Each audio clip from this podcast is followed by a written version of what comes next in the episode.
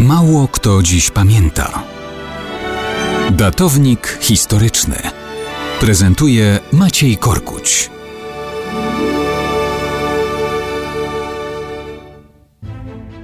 Mało kto dziś pamięta, że w styczniu 1895 roku prezydentem Francji przestał być Jean-Casimir Perrier. I słusznie, mało kto dziś o nim pamięta. Niespecjalnie zapisał się w historii. Jeśli już, to faktem, że obejmował dwie najważniejsze funkcje w Republice Francuskiej i obie równie szybko sprawować kończył. Pochodził z Paryża, z rodziny zrośniętej z establishmentem francuskiego państwa. Jego dziadek był ministrem i jego ojciec też był ministrem.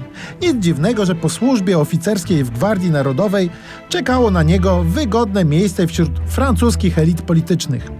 Był szefem gabinetu swojego ojca, ministra spraw wewnętrznych, został wybrany do Izby Deputowanych, potem był podsekretarzem stanu w różnych resortach, następnie wiceprzewodniczącym i przewodniczącym owej Izby Deputowanych. W grudniu 1895 roku wydawało się, że dotarł na szczyty władzy. Został premierem i ministrem spraw zagranicznych, ale przygnieciony problemami podał się szybko do dymisji już zaledwie po sześciu miesiącach.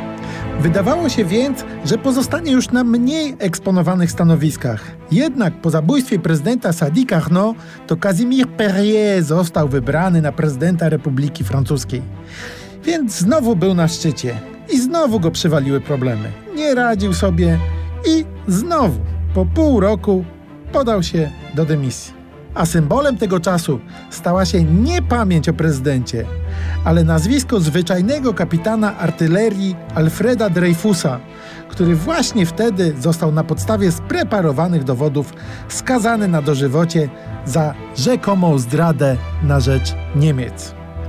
Do Dreyfusa jeszcze powrócimy. Do prezydenta Kazimira Perrier chyba już nie warto.